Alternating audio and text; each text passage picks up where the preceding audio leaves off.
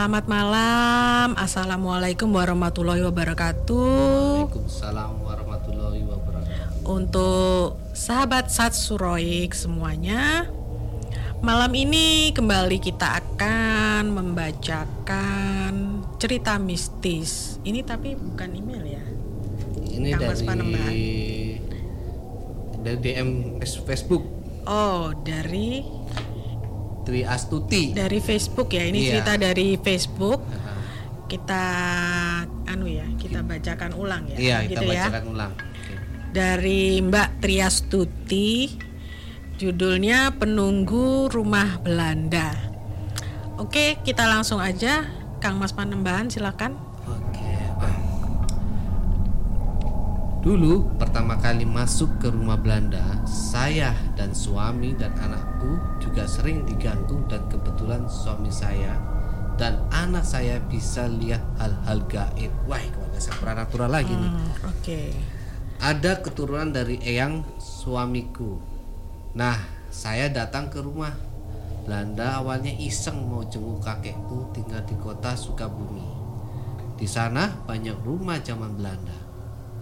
Pada siang hari suasananya seger sekali. Saya bantu bantu kakekku di sana. Nah, saya menemukan patung monyet dan ada sajen-sajen juga. Karena saya bilang ke saya, "Mama, mama, ada patung monyet hidup." Dia bilang, "Tolong bersihin rumah kami. Saya tidak suka ada yang jorok." Nah, saya bersihin lah karena saya orangnya nggak mau jorokan, apalagi berantakan seperti itu.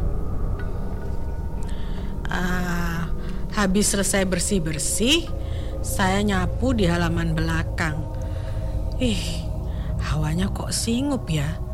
Karena ada pohon nangka dan sumur tua. Airnya nggak pernah kering sama sekali dan bersih. Dan di belakang itu ada kali kecil. Kata suami saya bilang, "Mah, aku mau naik pohon nangka dulu ya, karena nangkanya udah mateng dan harum." Terus saya bilang ke suami, "Iya, hati-hati ya, Pak. Soalnya di pohon nangka itu ada penghuninya, yaitu Mak Kunti mukanya hancur. Aduh, aduh, aduh. Terus pada sore hari kakekku tiba-tiba datang bilang ke saya, "Dok, itu nangka siapa yang kamu ambil?" Terus aku jawab, "Suamiku." Terus apa nih? Kakek eh kakek kamu udah eh, kakeknya kak- tanya, kakek kakek tanya. tanya lagi, tanya balik ya. Iya, baik. baik. Kamu udah izin sama penghuni sini. Terus kata suami bilang, udah kakek tenang aja. Tapi suami malah kencing di pohon nangka itu pada jam setengah lima sore. Nah, mulai itu hawa rumah sangat berbeda. Mulailah patung-patung tersebut bergerak. Wih. Anakku malah deketin karena ingin ngobrol cerita tentang masa lalu rumah Belanda tersebut. Wah, sananya pemberani. Ini kok kok pada kok pada saling ini ya saling mengerti satu sama lain. Iya nih. Tapi kenapa suaminya juga kencing di pohon? Udah tahu itu ada penghuninya. Aduh ini menantang ini namanya Pak Suami, Pak Suami. Wih, keren keren keren keren keren. Oke, lanjut ya. Oke. Kebetulan di belakang rumah Belanda ini ada kuburan. Wes. Wih, ada beberapa titik. Nah, di dapur ada kuburan juga. Terus di sebelah kamar kakekku juga ada kuburan. Ini rumah apa kuburan ya? Makanya. Aman ya. iya. Terus di pintu mau masuk juga ada kuburan Belanda.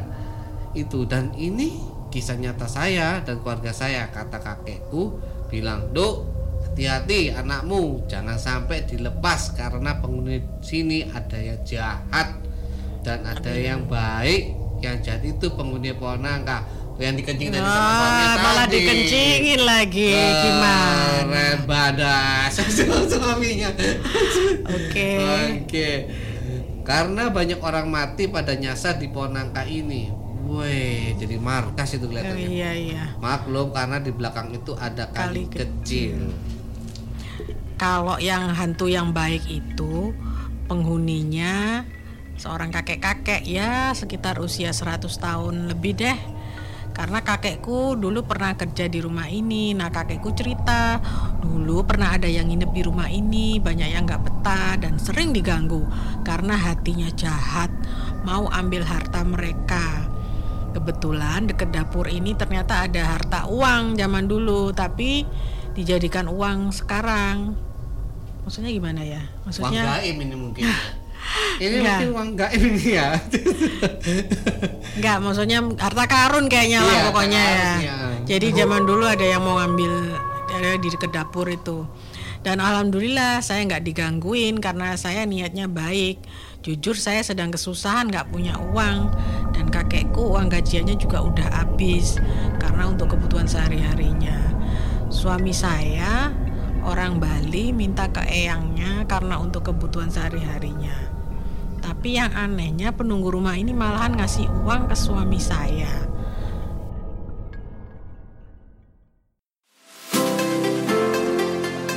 Hai, udah tahu belum di Surabaya ada kuliner ayam goreng hits yang rasanya endol banget.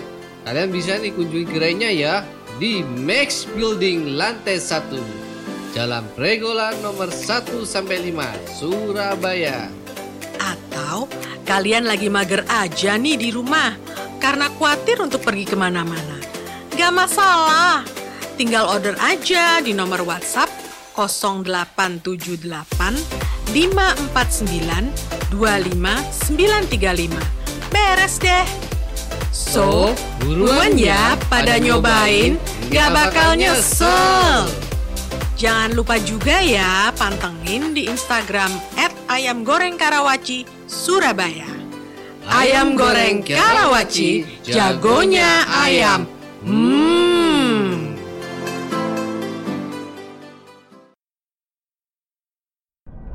Tapi yang anehnya penunggu rumah ini malahan ngasih uang ke suami saya. Contohnya, uang itu tahu-tahu ada di atas lemari, kadang di tas suami, juga kadang anakku bilang, "Mah, ini ada uang dikasih sama kakek." Orangnya baik sekali dikasih uang 100 ribu. Terus kata kakek ini berpesan, "Tolong kasih sajenkan cuma rokok refill, permen dan kopi pahit dan teh pahit." Udahlah saya siapkan ternyata bener rokok refill itu ternyata udah diisep nggak ada sisa sama sekali. Mulailah waktu pukul jam 6 maghrib kita-kita ini mau sholat maghrib para hantu-hantu itu datang semuanya. Dia nggak mau kita ini sholat maghrib, dia nggak suka sama suka dia nggak suka kita mengusir mereka. Nah, kakek saya diserempet kakinya sama penghuni sini. Kakekku kena kepalanya. Untungnya nggak berdarah. Penunggu di sini ada yang jahat sama kakekku. Nah, suamiku sempat marah ke penunggu sini. Tembok dipukul di kamar mandi itu kenapa kalian jahat sama kakekku? Padahal niat saya itu baik, biar rumah ini tenang dan bersih, biar gak singup. Eh, malah penunggu sini gak suka kedatangan kami.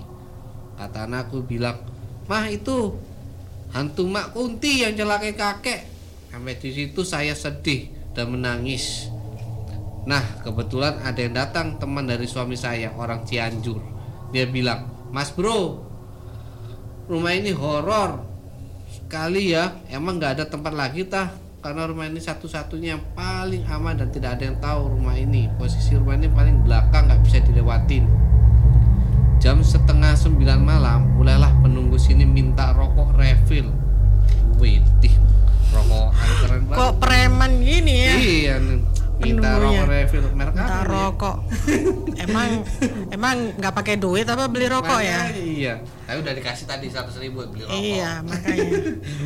Tapi nggak diturutin sama sama suami. Nah, betul tuh. Nah, nanti kebiasaan minta rokok mah kasih aja rokok aroma kretek malah kok tolak sama penunggu sini dan marah ke suami dan anakku juga. Waduh dikasih rokok kretek nggak mau tuh tadi Waduh, setannya. mintanya apa ini? Mild?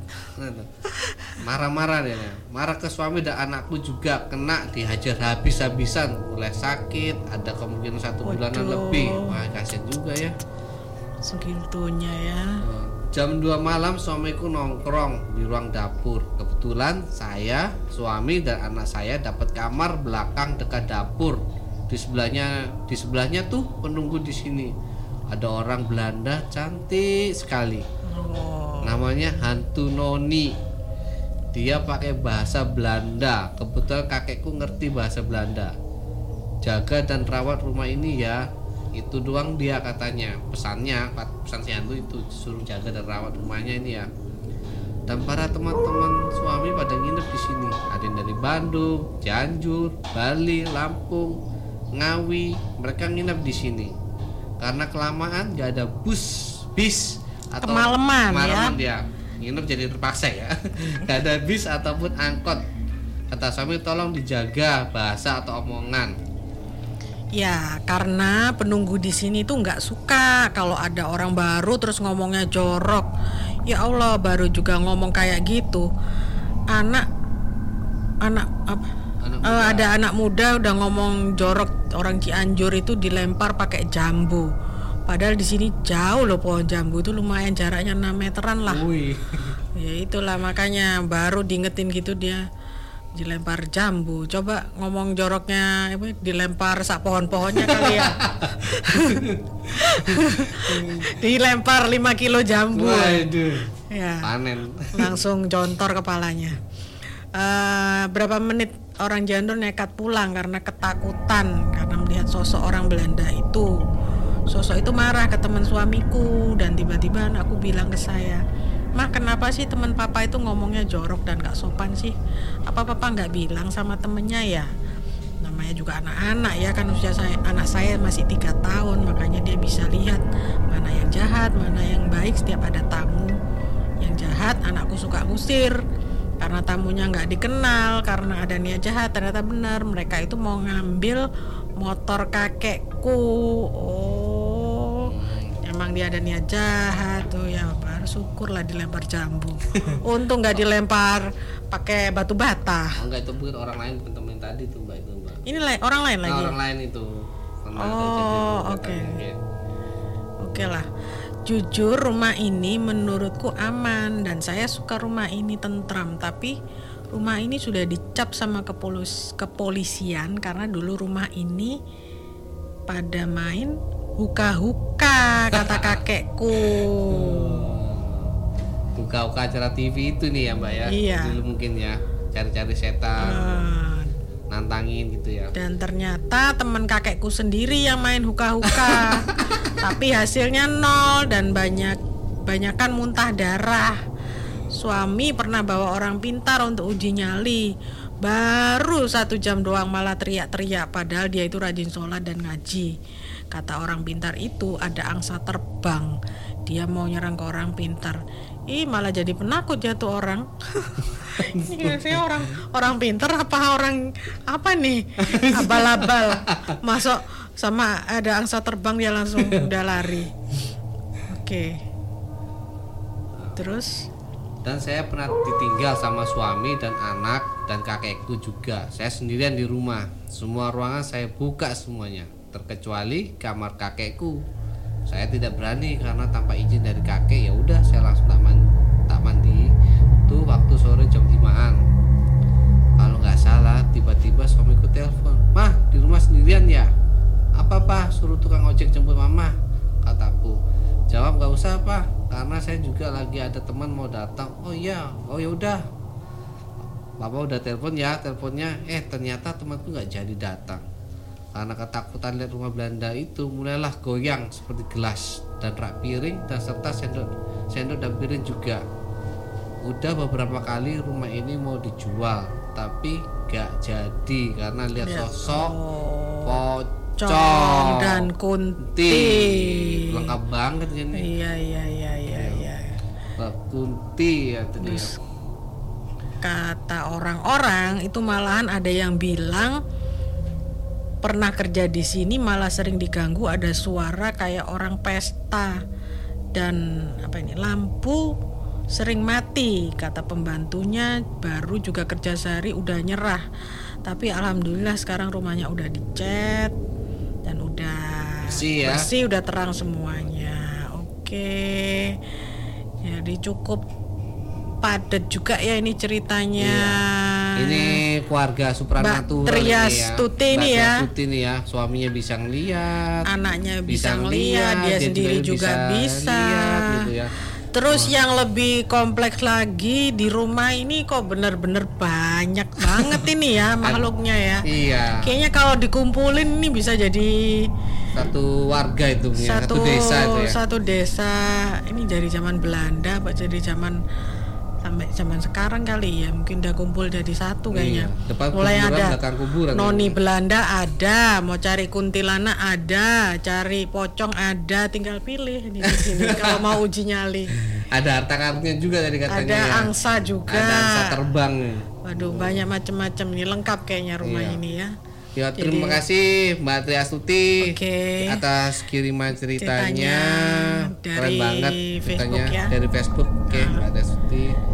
Oke, sahabat Sansuroik, terima kasih telah mendengarkan podcast satu suro. Terus ini jadi dari ceritanya Mbak Triastuti ini ya tetaplah kita kalau eh, di rumah yang apalagi rumah udah tua ya udah zaman Belanda itu kita harus jagalah jaga Sikap, sikap, omongan jangan ya. omongan, jangan ngomong yang ngawur, jangan ngomong jorok, apalagi terus punya niat jahat, niat nggak baik, terus kita juga harus bersih, jangan jorok. Nah itu aja sih kalau kita niatnya baik, ya eh, mudah-mudahan juga kita nggak akan diganggu ya. Kita Amin. Ya. juga tetap ber- selalu berdoa juga sesuai dengan agama dan keyakinan kita masing-masing. Walaupun walaupun beda dimensi Mbak ya, mereka tahu ya. Ya, Kita bisa melihat mereka tapi mereka bisa melihat kita. Jadi ya saling istilahnya ya kulon nuwun lah ya. Kulon nuwun lah pokoknya kita nggak punya niat jahat kita tetap percaya sama ya Hal-hal yang gaib.